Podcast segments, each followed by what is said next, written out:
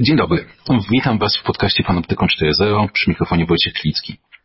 Wojna nie uchyla katastrofy klimatycznej, zwłaszcza wojna, u podłoża której leżą surowce.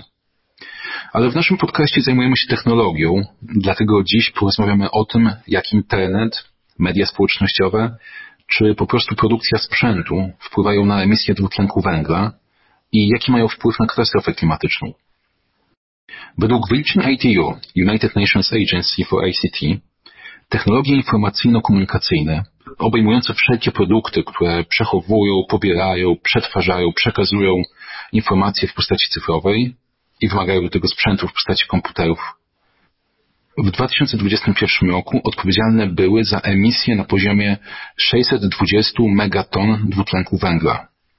Wyższym wynikiem może pochwalić się jedynie 8 państw na całym świecie. Zajrzyjmy zatem tam, gdzie w naszym podcaście lubimy zaglądać najbardziej. Za kulisy. Tym razem będą to miejsca, których fizycznie nie mamy na co dzień szans zobaczyć, bo serwery, na których przetwarzamy dane w chmurze, są nieraz tysiące kilometrów stąd. Podobnie jak fabryki, w których produkowane są nasze komputery i smartfony. O tym, ile kosztuje technologia i jak obciąża środowisko naturalne, opowie nam Joanna Murzyn, cyfrowa aktywistka związana z Instytutem Ekologii Cyfrowej, pracująca z biznesem, wspierając go w redukcji cyfrowego śladu środowiskowego. Panoptykon 4.0 Podcast TOK FM.pl i Fundacji Panoptykon. Witaj Joanno. Dzień dobry, dzień dobry. Internet, do którego jesteśmy dziś nieustannie podłączeni i za pomocą którego możecie też słuchać naszej rozmowy, ma swoją fizyczną infrastrukturę zanurkujmy dosłownie w ten temat. Piszesz w niektórych swoich publikacjach, że 99% całego ruchu internetowego funkcjonuje w oparciu o ukrytą głęboko pod wodą sieć morskiej infrastruktury. No, Opowiesz o niej coś więcej? Oczywiście. E, mówimy tu o światłowodach i rzeczywiście to nurkujemy głęboko pod wodę, no bo jest to infrastruktura, która jest e, rozłożona na dnie, e, dnie oceanów. Są to setki, tysiące kilometrów kabli. I mm, też warto zwrócić uwagę na to w ogóle, do kogo te kable też należą, tak? No bo gdzieś tam w tej takiej pierwotnej idei internet miał być bardzo taką anarchistyczną, hipisowską przestrzenią, gdzie każdy jest równy, każdy jest wolny, jednak gdzieś ta symetria się zaburzyła. E, no i na przykład chociażby w ostatnich latach przeważająca liczba e, inwestycji finansowana jest e, z kieszeni Facebooka, który jest w mniej więcej prawie 100 tysięcy kabli, co jest bardzo dużo.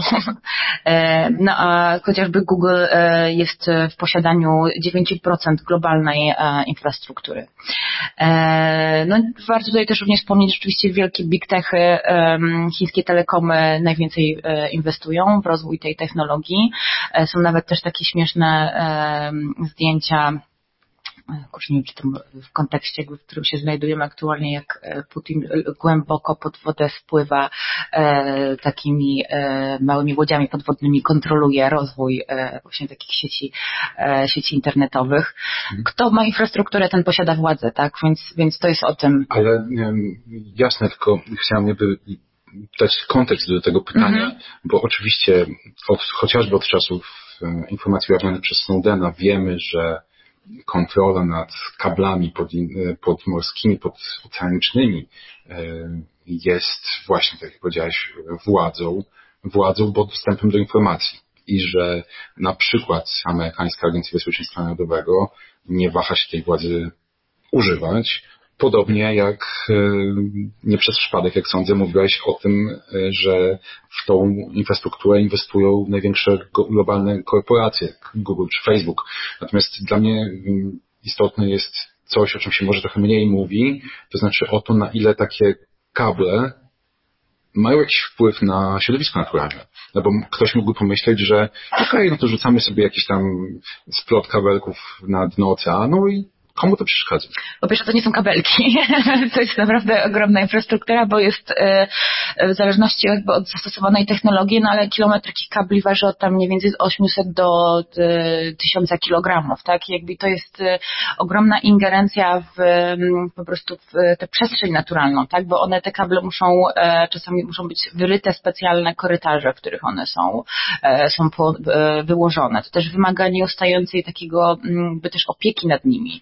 E, wymiany. W związku z tym no, cały czas tam gdzieś jest ta um, wykonywana praca, która po prostu zaburza, e, zaburza całe ekosystemy. Tak? No wyobraź sobie, że masz no, setki tysięcy, tysiące kilometrów po prostu rozłożone na, e, na dnie i na przestrzeni. Moglibyśmy sobie tutaj wyobrazić mapę, na której te właśnie te tysiące kilometrów byłyby taką siecią oplatającą różne kontynenty.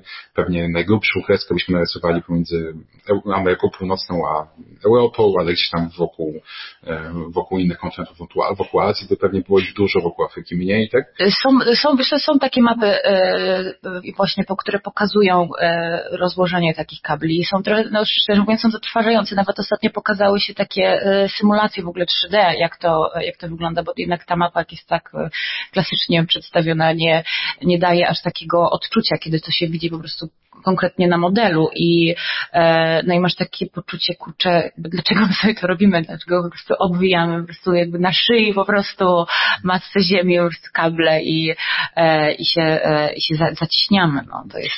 No dobrze, to, to, to są te kable. Zacząłem od nich, bo kabla nikt nie widział. No, z naszych słuchaczy zapewne. E, ale może przejdźmy do czegoś, co jest na drugim biegunie. To znaczy, co każdy z nas widział, a być może nawet widzi non-stop przez cały swój dzień, poza czasem kiedy śpi, a więc do tego zwykłego sprzętu, do telefonów, do komputerów. W Polsce na jedno gospodarstwo domowe przypada średnio 4,5 ekranu Mhm. Co jakiś czas mówi się też o tym, że do produkcji telefonów i procesorów, które są i w telefonach, i w różnych innych e, urządzeniach elektronicznych, zużywamy coraz więcej rzadkich minerałów i one w końcu się skończą prawda? No to jest, y, już się, już się kończą. No nie tyle, co kończą, tylko e, w przypadku chociażby złota e, jest tak, że no jest, e, bo teraz zdecydowanie więcej w ogóle złota już wydobytego, które się znajduje po prostu w starych odpadach e, w, w elektronice. Bo tutaj akurat e, to jest coś, co mnie osobiście niesłychanie boli, bo byłam na takim wysypisku elektronicznych odpadów e, w Indiach, e, pod Delhi i jak się to widzi osobiście, jak się widzi tę skalę w ogóle ilości tych elektronicznych odpadów, smartfonów, starych serwerów, tam jest co prawda mniej laptopów, ale jest to przerażające, tak? No i mamy mm, te kwestie właśnie związane po prostu z zasobami, tak? Bo weźmy pod uwagę fakt, że no, mm, dzisiaj ta kultura konsumpcji, ta kultura tego, że właśnie, że musimy mieć więcej, że w ciągu roku jest e, ogłaszane tam dziesiątki po prostu nowych e, modeli, chociaż teraz to się trochę e, zmniejszyło przez COVID, właśnie tej całej gospodarce niedoborów i zaburzonych łańcuchach, zaburzonych łańcuchach dostaw. No ale mimo wszystko przerabiamy jakkolwiek tylko 20% zużytej elektroniki. Ona gdzieś tam trafia na, po prostu jest przechowywana na lądach albo no, nie mamy jeszcze do końca tak mocno rozwiniętej infrastruktury do tego, żeby ją przerabiać, no ale też z drugiej strony po prostu produkujemy jej za dużo. E, więc e, więc to jest też o tym, że e, my też musimy się trochę mm, by zacząć też patrzeć na nią po prostu jakoś, jako źródło też minerałów i zasobów. E, to ma w ogóle swoją nazwę modern mining, bo mówimy właśnie o tym miningu takim, który jest wydobyciem po prostu minerałów w tym takim procesie klasycznym, co też jest niezwykle jakby e, mocno ingeruje w środowisko naturalne, bo gdzieś tam przy tonie złota jest tam chyba z 20 ton wody, więc to jest niezwykle niezrównoważony proces, jeśli chodzi o wydobycie takich minerałów. No ale z kolei właśnie mamy ten modern mining, który polega na tym, że się wydobywa minerały już z tej elektroniki i on coraz bardziej wchodzi, że tak powiem, w mainstream. Teraz mennica Wielkiej Brytanii wybija, e, zainwestowała, wybija monety. Powiedziałaś w pewnym momencie, że niecałe 20% telefonów czy sprzętu, tak? Sprzętu, tak. To te mhm. podlega czemu? Takiemu ponownemu, e, tak, ponownie wykorzystywane, jest, czy są, jest odzysk, są odzyskiwane zasoby. Czyli mogę mieć, zaryzykować takie twierdzenie, że co, do, tylko co piąty mój telefon, a zmieniam telefony jak każdy z nas co jakiś czas, e, będzie w jakikolwiek sposób e, poddany temu recyklingowi, a 4 na 5 co, one wylądują na tym wysypisku? Mogą wylądować na wysypisku. Jest, tak, są takie praktyki e, wysyłania e, elektroniki do e, krajów globalnego południa e, i one są wysyłane jako tak zwana second hand technology.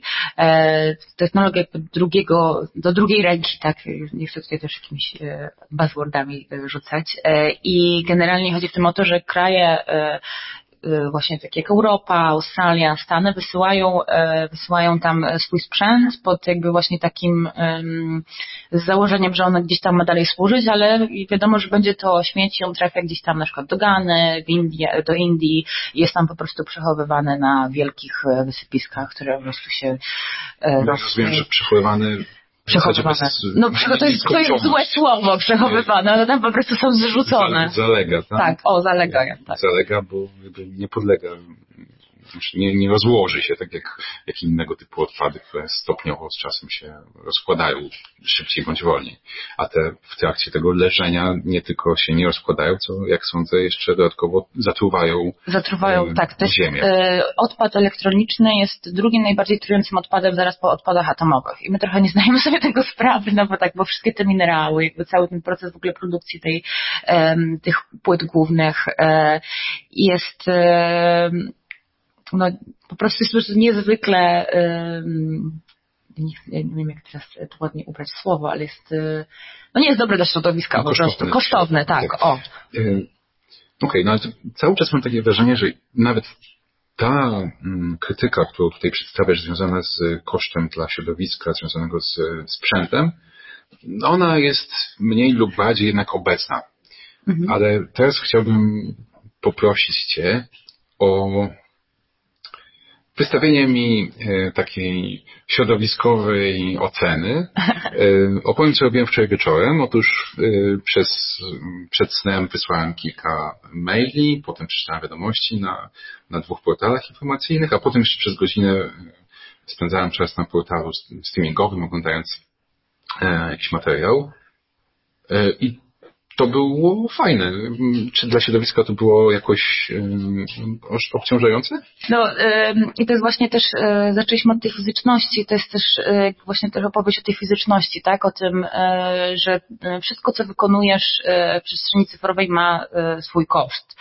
I to nie jest tak, że właśnie, że te portale, które nas przyzwyczaiły do tego, wszystko jest za darmo, zawsze jesteśmy do nich podłączeni, gdzieś tam właśnie z tyłu jest ta infrastruktura, która wymaga podłączania do sieci, jest tam moc obliczeniowa, którą, e, którą wypożyczasz, jeżeli działają jakieś Twoje aplikacje w chmurze.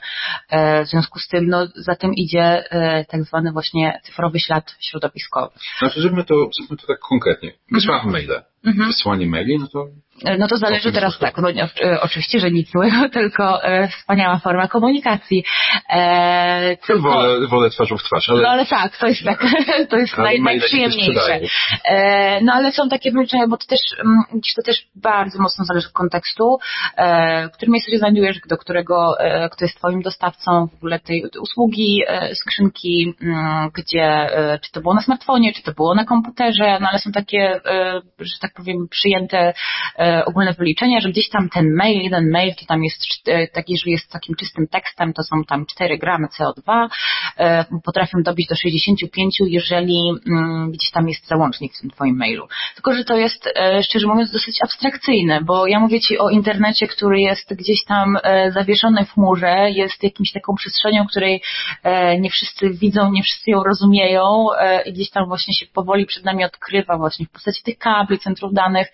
Jeszcze jak ja teraz powiem, że to ma ze sobą ślad węglowy, ślad środowiskowy, no to już jest taka abstrakcja, że ciężko sobie to, e, ciężko sobie to połączyć, ale tu jest kwestia po prostu jakby najprościej, że miałabym to mm, przedstawić, no tu chodzi po prostu o energię, tak? Chodzi o energię, o to, że ta wiadomość e, do kogoś musi trafić, musi zostać przetworzona, musi gdzieś tam, e, że tak powiem, przebyć swoją podróż, e, no i to wszystko właśnie wymaga tej infrastruktury, która gdzieś tam na końcu jest niezwykle energożerna, plus też wymaga dużo zasobów naturalnych w postaci na przykład chociażby wody, która, która chłodzi, chłodzi serwery. No gdzieś to wszystko jest zapisane. To nie jest tak, że to znika. no tak, to jest rzeczywiście, ty proponujesz coś takiego taki zimny prysznic, no bo siedząc przed komputerem, który, którego, który mogę przenieść w dowolne miejsce, on nie jest podłączony do niczego, wysyłam coś, gdzie coś znika, było, jak kliknąłem wyślij, zniknęło, to gdzieś poleciało i u kogoś innego się pojawiło. Mhm. Ale rozumiem, że kliknięcie wyślij ma ten koszt, no właśnie związany z produkcją energii, która jest potrzebna nam, do mojego komputera, tak? Tak? Do serwerów, do dostawcy internetu, do kogo jeszcze? No i też do odbiorcy, bo no tak, ktoś musi to odebrać, nie? Tak, tak, dokładnie. A to w porównaniu z, no ja robiłem trzy rzeczy. Wysyłałem maile, yy, oglądałem Streaming. Streaming. Streaming to Coś jest w ogóle, to, ta, streaming, tak. Ze streamingiem jest taki problem, że on jest nam odpowiada e, to z 2020 e, akurat są dane, więc to niestająco się zmienia, ewoluuje, ale ten jest chyba streaming to jest 55% ruchu w ogóle w sieci. No my wszystko oglądamy, streamujemy, my chcemy być on demand, e, mieć wszystko jakby dostępne od razu tu i teraz. No i to jest właśnie trochę takie pokłosie mm, tej takiej kultury wiecznie podłączonych, przestymulowanych, tych, co zawsze chcą od razu. Wiesz co, no mm, mogę akurat, oglądałeś pewnie jakiś, jakiś Netflix albo coś w tym... W tym y... Zajmujemy się ochroną prywatności. Już tak daleko w to nie idźmy. Dobra.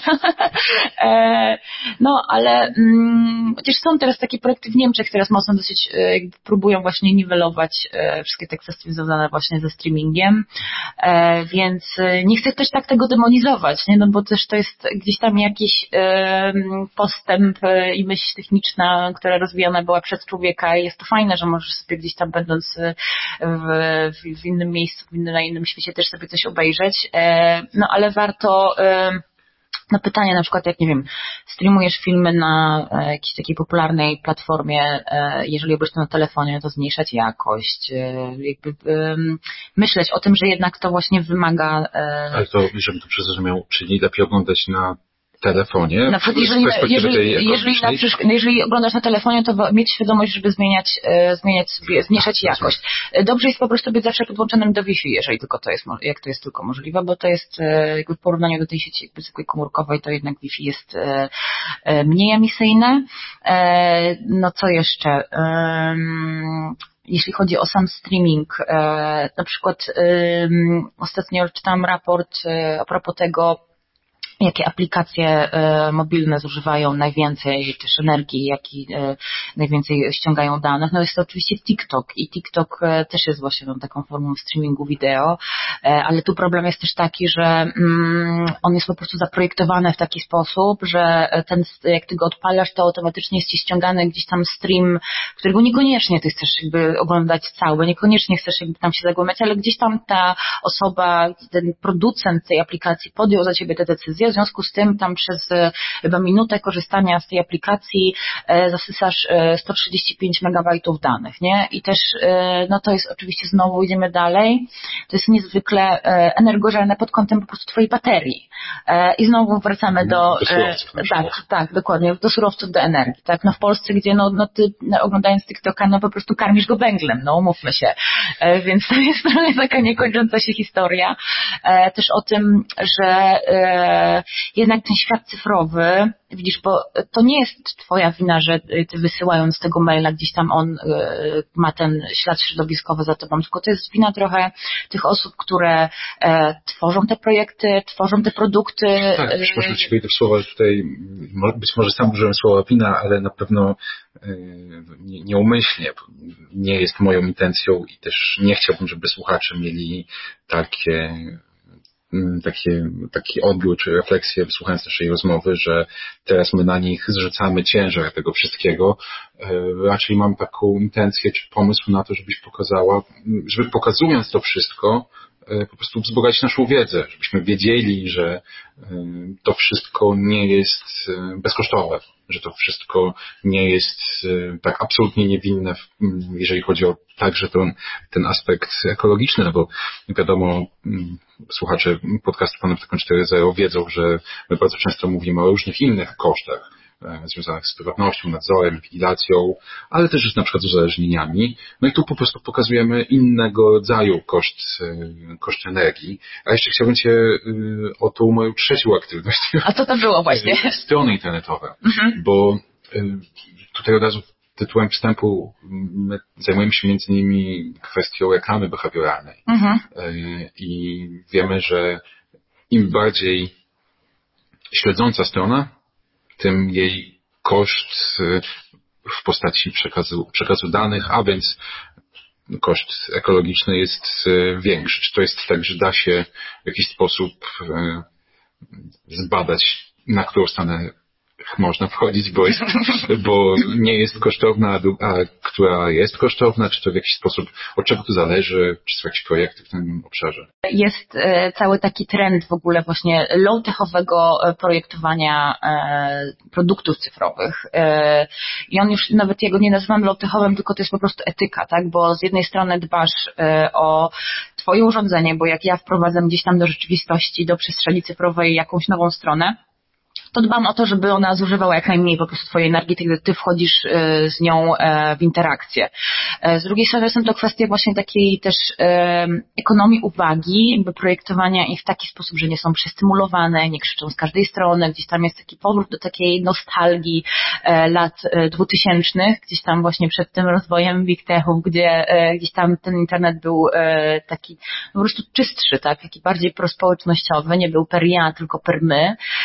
Są też właśnie takie fajne trendy na zasadzie tiny, te, tiny websites, czyli po prostu małe, czyste stronki, e, celowo rezygnujące z jakichś tam właśnie mm, przestymulowanych grafik, a jeżeli już one są, funkcjonują, to są one odpowiednio skompresowane.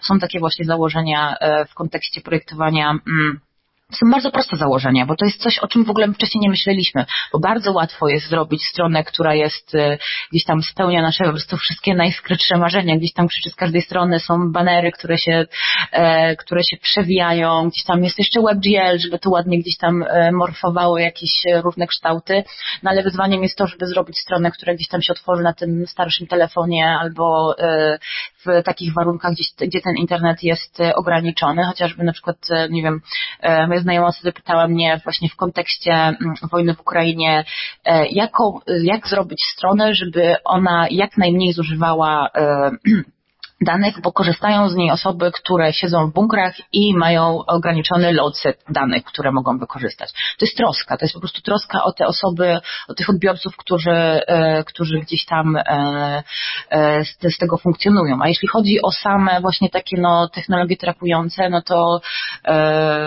blokować jak najbardziej się da, no bo to jest 25% e, e, w ogóle danych właśnie takich, e, to są dane po prostu stricte właśnie takie reklamowe, nie? Pobierające informacje o tym, jak ty, jak ty funkcjonujesz ty w, na tej 25% stronie.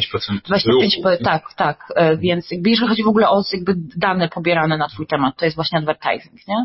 No i tutaj są fajne mm, takie z perspektywy jakby osoby na przykład takiej, która gdzieś tam tworzy tę stronę, to są, jest E, fajna taka alternatywa w postaci jakby od, odcięcia się trochę od e, Google Analyticsa, bo on jednak gdzieś tam tych danych po prostu zbiera nadmiarowo. No, żeby, żeby się odciąć w praktyce wystarczy wejść na przykład na stronę Panoptykonu. O, oczywiście. Na której, jak sądzę, z innych powodów niż e, obciążenia ekologiczne, ale być może nieświadomie także z tych, ale to jest... nie ma, nie ma te, tego mechanizmu, mechanizmu śledzenia. I to jest bardzo dobre, bo e, tylko dodam, że właśnie, że ta e, alternatywa taka w postaci właśnie narzędzia analitycznego nazywa się Cabin e, i jest to bardzo fajne narzędzie, bo jest e, oprócz tego, że właśnie analizuje, anonimowo zbiera dane na temat e, e, na temat osób, to jeszcze dostarcza Ci informacje na temat właśnie wygenerowanego śladu środowiskowego przez konkretne podstrony. Więc to jest fajne, bo możesz na bieżąco analizować, czy dane osoby tam wchodzą, czy jak, jakby jak się też to optymalizować pod kątem środowiskowym, a e, tylko to chciałam dodać, a wracając do tego, co dodałeś, właśnie moim zdaniem bardzo się cieszę, że rozmawiamy, bo e, właśnie ta wasza agenda a propos właśnie w ogóle ucinania, że tak powiem, u źródła, e, plus te kwestie ekologiczne, no to powinno totalnie iść w parze, nie? Jakby to jest, e, to jest coś, co jeszcze jest takim właśnie, e, jeszcze jednym wagonem na tym po prostu pociągu, który jedzie w stronę po prostu, wiesz, no tak, krytyki. krytyki. tak. No oczywiście, krytyka Big Techów ma różne perspektywy i, i ty jakby przychodzisz z inną trochę niż, niż nasza codzienna perspektywa. E, I mówiłaś przed chwilą o tych rozwiązaniach, które są na jednym krańcu, w sensie tych stronach internetowych, które są w taki sposób skonstruowane, żeby, żeby jak najmniej danych e, wykorzystywały. Wydaje mi się, że w tej rozmowie nie może zabraknąć tematu, który jest tematem takim który też wraca zawsze w kontekście śladu e, węglowego czy wykorzystania energii, czyli blockchain. Blockchain, w sprawie którego wiele osób jakby ma rosnące nadzieję, że on będzie jakąś przyszłością rozwiązaną e, w sektorze bankowości, w sektorze finansów, w różnych innych. No ale dlaczego on jest tak mocno krytykowany z perspektywy tej ekologicznej? E, no i tutaj kwestią jest, e, no ja, jest, ja e, dodam od razu, że wierzę w blockchain bardzo, tylko że mm, do takiego głównego dyskursu przechodzi oczywiście Bitcoin, który jest kopalnią. Tak, no i tutaj kwestią najbardziej energożerną są po prostu, jest po prostu model, moment weryfikacji transakcji. One działają na takim protokole proof of work, który wymaga po prostu nieustającej takiego czuwania e, tych koparek, które po prostu przez to e, konsumują, zżerają wręcz, bym powiedziała, ogromne ilości energii, a są alternatywy. Są alternatywy, które działają na innych, e, na innych protokołach, są o wiele mniej emisyjne, są całe w ogóle nurty Green NFT, które są które są również niskoemisyjne, nie są... Możesz trochę to wyjaśnić? O, oczywiście. Jakby, mm, bo gdzieś tam właśnie w tym głównym dyskursie panuje to, e, wszyscy mówią o bitcoinie, wszyscy mówią o tych wszystkich szybkich e, tutaj e, bogaceniach się, no tak, na Ferrari. A jednocześnie o tym, że, że ktoś gdzieś odkrył gigantyczne rachunki za energię elektryczną, bo okazało się, że w serwerowni działała tak, to nawet, e, wiesz, to, to było nawet, e, w Polsce był e, gdzieś tam jakiś przypadek, że na posterunku policji ktoś kopał, tak, kopał bitcoiny, ale no jest ten cały nurt też taki, tylko że on jest oczywiście bardziej trochę ukryty z, z tego, w, w tym mainstreamie, w tym napływie treści, właśnie takich odpowiedzialnych osób, które się gdzieś tam w tych tokenach i w całym blockchainie gdzieś tam funkcjonują. Są to osoby niezwykle niezwykle e, środowiskowo e, zaangażowane. E, na przykład pod tym takim całym boom związanym z NFT, gdzie tutaj mam trochę taki żal, szczerze mówiąc, bo mm, zalała się e, bez jakiejś takiej odpowiedniej edukacji, jakiejś takiej świadomości też e, jakości w ogóle, jakby takiej chęci jakości wprowadzania, jeżeli się wprowadza, wybija, na, na NFT jakieś konkretne mm, cyfrowe dzieło, no zalało, zalała się sieć tym, po prostu się zalała. Artyści też e, mm, ci tam zobaczyli w tym potencjalnie jakąś możliwość na to, żeby się dorobić i wyciągali z szuflad po prostu jakieś takie swoje odpady. No a z kolei mamy właśnie ten taki nurt tych świadomych NFT, na przykład nie wiem, gdzieś tam e, sprzedawania jakichś tam zdjęć, drzew, które później gdzieś tam idą jako cegiełka na rozwój jakichś konkretnych parków, e, jest, są całe właśnie jakby transparentnie mierzone w ogóle ślady środowiskowe tych transakcji, gdzieś tam jest ta ekologia, jest jakby tym e, trzonem jest na agendzie, tak, że to nie jest tak, że robimy to, bo robimy to do sztuki, chcemy się szybko dorobić, tylko wykorzystujemy świadomo, świadomie Powiedziałaś chwilę temu, że wierzysz w blockchain, rozumiem, że tutaj pokazujesz mm, jakiś nurt, który może być skonstruowany w sposób mm, proekologiczny, ale to na tym opierasz swoją wiarę w blockchain, czy, on, czy ona jest, dotyczy jeszcze czegoś większego? większego?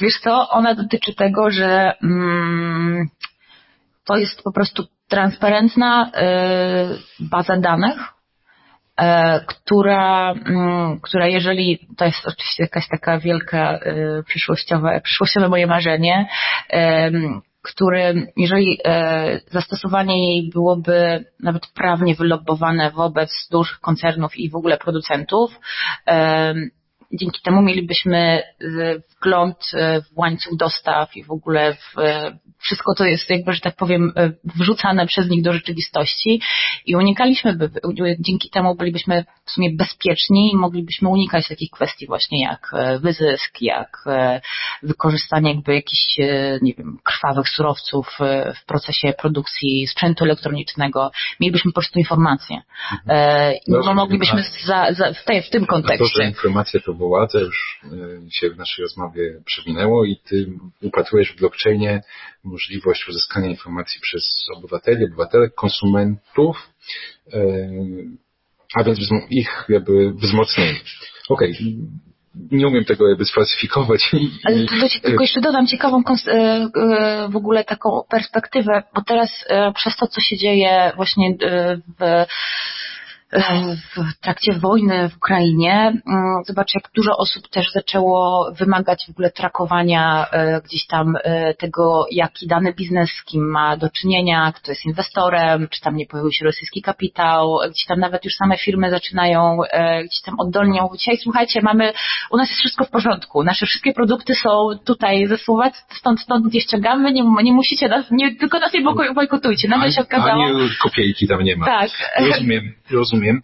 E, to rzeczywiście bardzo ciekawe i, i, to przykład, dzięki, że go przywołałaś, bo on faktycznie przemawia do takiej szerszej wyobraźni. Ale chciałem jeszcze zmienić troszeczkę, zadać kolejne pytanie, bo w naszym podcaście wielokrotnie mówiliśmy o takim niezaspokojonym apetycie cyfrowych gigantów na dane osobowe. No i oni ciągle zbierają te dane, co jest zagrożeniem dla prywatności. Ty dorzucasz ten argument ekologiczny. No ale z drugiej strony mm, widzimy deklaracje globalnych korporacji, tych cyfrowych, że oni redukują, eliminują e, w swoim działaniu e, ten ślad węglowy, czy ślad cyfrowy. No, na, przykład, na przykład Microsoft deklaruje, że wyeliminuje emisję dwutlenku węgla do 2050 roku. No to chyba dobrze. Oczywiście, że dobrze, tak, ale e, to, um, trzeba zajrzeć pod spódnicę tym deklaracjom. No właśnie chciałem się do tego zachęcić. E, e, bo to jest też trochę tak, że mm, okej, okay, oni się, mm, po pierwsze Microsoft robi całą tą swoją e, tą deklarację właśnie neutralności, oni przeprowadzają razem z BP, to jest... BP. Tak. To chyba paliwa. No właśnie, w związku z tym jakby to jest strasznie dla mnie ironiczne, bo ym, no to jest tak, że y, zrobiliśmy bałagan, a teraz jeszcze zarobimy na tym, że na nim że, że posprzątamy. I to jest, i to jest ta, jakby taka ta prawdziwa twarz tego. Tylko, że tu jest też kwestia taka, że mm, e, zobacz, Microsoft e, no jest ciekawym przy, przykładem, bo oni e, w ogóle ilość infrastruktury, oni gdzieś tam e, oglądałam wywiad z, jak, z ich e, jednym z, e, z research badaczy, który, który się chwalił tym, że tak szybko się rozwijamy, że teraz dodajemy tyle samo infrastruktury w ciągu miesiąca, a jeszcze kilka lat temu w ciągu roku, nie? Jakby to jest na przykład pokłosiem jest tego, że oni mają centra danych, które są, e, mają projekty zatapiania centrów danych pod wodą, nie? Gdzie, żeby wykorzystywać e, naturalną przestrzeń do ich chłodzenia. E, już tak. Brzmi interesująco. No, to wygląda bardzo interesująco, no tylko to jest pytanie właśnie, że czy my, by właśnie idąc e, tym nurtem tego, że to wszystko się rozrasta, że my się to, e, my to niwelujemy, czy gdzieś tam zakręcamy ten kurek e, źródła, tak? Właśnie e, niwelując, zmniejszając ilość danych, czy dorabiamy do nich infrastrukturę, nad tym, nad, żeby nad tym wszystkim nadążyć, nie? Jeszcze jest Google. Google tutaj jest akurat go mm, niedawno analizowałam, bo mają otwarte dane, e, jeśli chodzi w ogóle o emisyjność, bo oni otworzyli ten wielki centrum e, chmurowe tutaj e, w Polsce.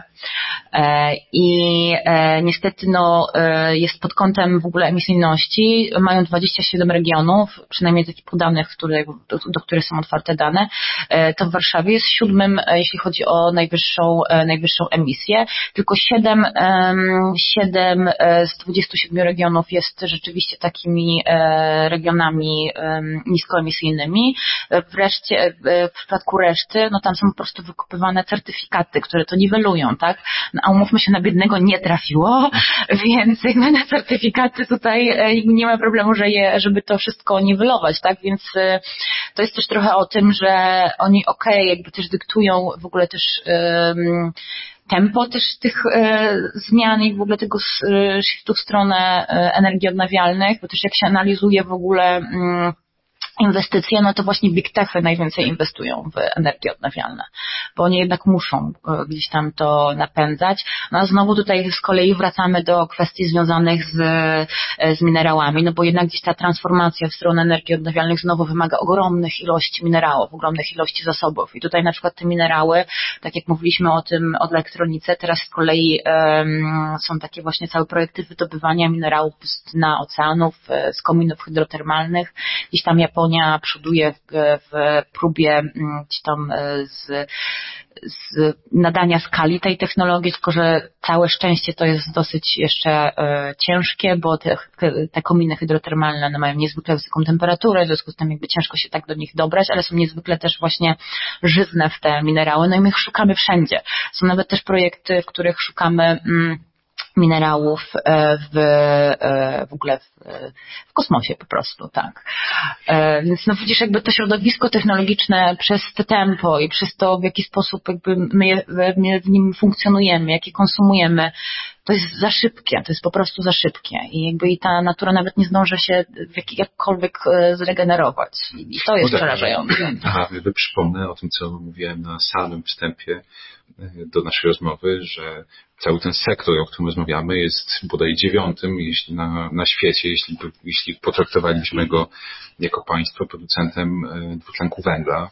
Więc to nie, nie mówimy o, o kimś, jeśli upodmiotowiając ten sektor, e, o kimś, kto, mm, kto jest daleko w ogonie. Ale słuchając naszej rozmowy, ktoś mógłby dojść do takiej refleksji, że znowu tworzymy problemy tylko nie jest to nasza codzienność, bo kiedy dostrzegamy różne zagrożenia to i mówimy o nich, to, to czasami mamy ten, ten problem związany z tym, że łatwiej jest dostrzec e, problemy, trudniej jest wymyślić dla nich rozwiązania, odpowiedzi. No i te odpowiedzi oczywiście mogą być kilku płaszczyznowe. Na jednej płaszczyźnie jest e, konsument, konsumentka, którzy z tą cyfrowością się spotykają, są nią otoczeni. Na drugi poziom to jest poziom powiedzmy makro, poziom polityczny, poziom, poziom decyzji ekonomicznych, poziom decyzji politycznych. No ale to powiedz może, co Twoim zdaniem słuchacz bądź słuchaczka przejęci tym, co Ty mówisz, yy, mogliby zrobić samodzielnie następnego dnia zastanawiam się, od czego najlepiej zacząć. No, takiej, w takiej codziennej w ogóle, e, może jak powiem, interakcji z maszynami. E, zmienić z takich to jest podstaw, podstawa, to jest basic. E, przerzucić się na Firefoxa i na DuckDuckGo, e, jeśli chodzi o wyszukiwanie. DuckDuckGo po pierwsze, DuckDuckGo po pierwsze w kontekście właśnie prywatności jest e, fajne rozwiązanie, ostatnio też są niskoemisyjni, już mają całą taką agendę. Jednak trzeba unikać, jest taki dosyć mocno rozpromowany projekt Ecozy, czyli takiej ekologicznej wyszukiwarki, która gdzieś tam sadzi drzewa, ale jest oparta na silniku właśnie Microsoftu. Gdzieś tam właśnie, no, to pewnie wy już nieraz że tak powiem, lobbowaliście i edukowaliście w tym kontekście, żeby gdzieś tam ucinać te technologie trakujące. E, no, mm, z taką większą właśnie, mm, z większą pokorą i zastanowieniem się w ogóle patrzeć na to, w jaki sposób ja jestem i w czym jestem i jak funkcjonuję. E, mieć jakieś takie dobre nawyki, na przykład wyłączania komputera, bo często ludzie po prostu sobie zamykają i otwierają. E, jeśli chodzi o smartfona, no to po prostu przejrzeć też, e, wejść sobie w ustawienia i zobaczyć, e, co komu ja udostępniam, po prostu to wyłączyć. Bo ustawienie. udostępnienie Twitterowi dostępu do mojego, bo to już nawet dla mnie jest, wybacz, trudne do zrozumienia. Jaki jest mhm. związek pomiędzy udostępnieniem do mikrofonu, powiedzmy, Twitterowi, a śladem mm, tym węglowym czy ekologicznym, bo ja rozumiem, mhm. E, dlaczego on nie powinien być udostępniony z innych względów, e, Ale ten węgiel? Czy...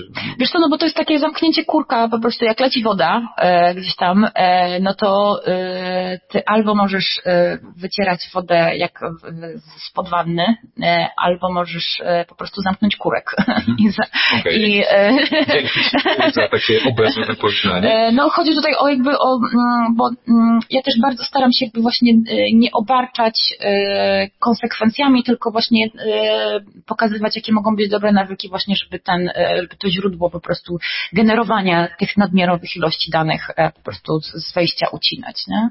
E, w opisie dodamy taki zestaw właśnie narzędzi, które mm, też po prostu pomagają podnieść świadomość tego właśnie, tej właśnie tego fizycznego wymiaru i tego właśnie poziomu zużycia energii. Można sobie zmierzyć na przykład e, w, jaka, jest, e, jaka jest emisyjność konkretnej strony, na której jestem, e, o której się poruszam.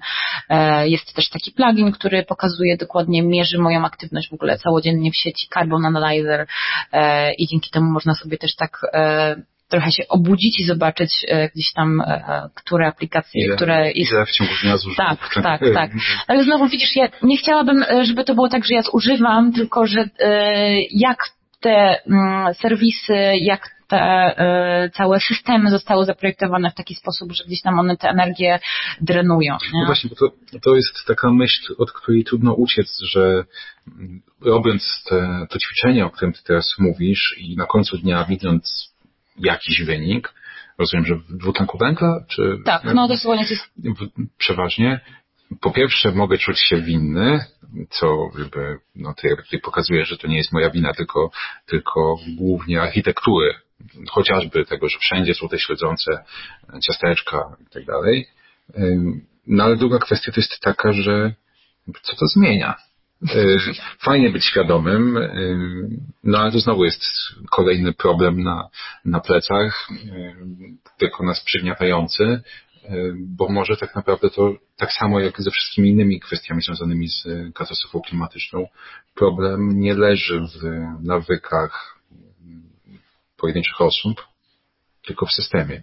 I teraz znowu dla słuchaczu, słuchaczy i słuchaczek ten system da się jakoś zmienić, jak on powinien wyglądać, żebyśmy nie musieli się codziennie uginać pod ciężarem własnych, własnych aktywności i tych powiedzmy cyfrowych słomek. Tak, to są tak, to są po, dokładnie, to są. Porównując do e, redukcji, produkcji słomek, która no jakby no, świata nie ocali, e, to gdzie jest punkt zmiany systemu?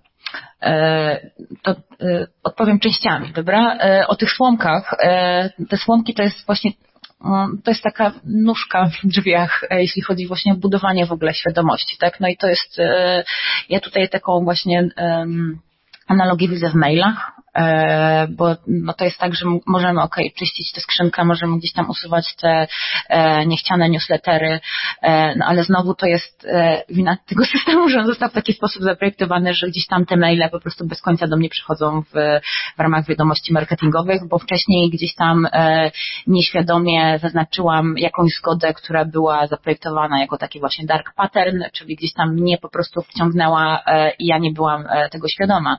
A alternatywa alternatywy, mm, no ja widzę duży potencjał we wszystkich takich właśnie rozwiązaniach open source'owych i w całych takich nurcie tych e, federacyjnych e, i zdecentralizowanych mediach e, społecznościowych, które są, które można hostować na własnym serwerze, w związku z tym on może być dzielony, gdzieś tam, gdzie jest ograniczona liczba osób, z którymi ja jestem, nie ustając w łączności, gdzieś tam właśnie, gdzie są te wszystkie kwestie związane z prywatnością, one są gdzieś tam wyniesione wyżej, e, no i po prostu o siebie dbamy w takich przestrzeniach, nie? No jest ten Mastodon, e, są wszystkie te kwestie związane, nie wiem, no, Friendika, e, tylko że jak zaczęłam chodzić po tych, po tych grupach i tam gdzieś się w nie zagłębiać, no to to jest cały czas nisza, ale taka naprawdę ogromna no tak. nisza. I absolutnie wiemy to, że to jest nisza i w Panoptykonie też nieraz jakby zastanawiamy się, na ile to jest tak, że rozwiązania problemów, o których mówimy, są w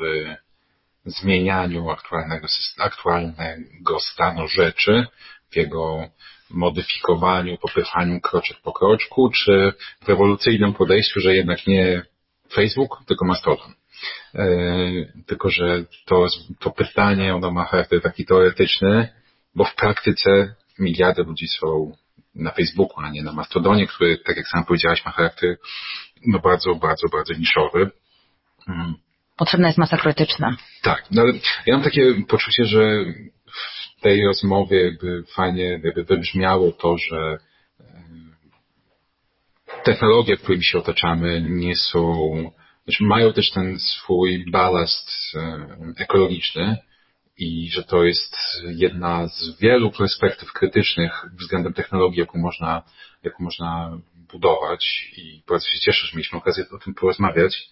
E, chciałbym jeszcze tylko zapewnić, że dostrzegam alternatywną narrację. Narrację, w której technologie, na przykład związane ze sztuczną inteligencją, są nie tylko tym kolejnym toną czy megatoną e, dwutlenku węgla, ale też mogą być e, alternatywą czy sposobem na to, e, w jaki sposób sobie radzić z katastrofą klimatyczną. Mogą służyć redukcji.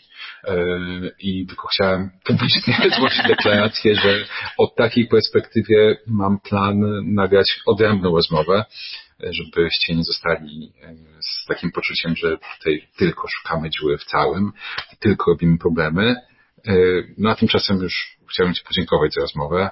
E, moją gościnią była Joanna Murzyn, żegna się z Wami Wojciech Klicki. No i do usłyszenia w kolejnym podcaście Pana Pytykan 4.0. Dziękuję również. Bądźcie zdrowi i nie, i nie biczujcie się tym, tylko po prostu pomyślcie krytycznie, bo są alternatywy. Technologie i człowiek. Człowiek i technologie. Gdzie na tym styku czekają na nas zagrożenia? Jak korzystać z technologii, by na nich skorzystać? Jak kontrolować, kto gromadzi o nas informacje i do czego ich używa? Z ekspertami i praktykami rozmawia Wojciech Klicki. Panoptykon 4.0 Podcast to KFM.pl i Fundacji Panoptykon.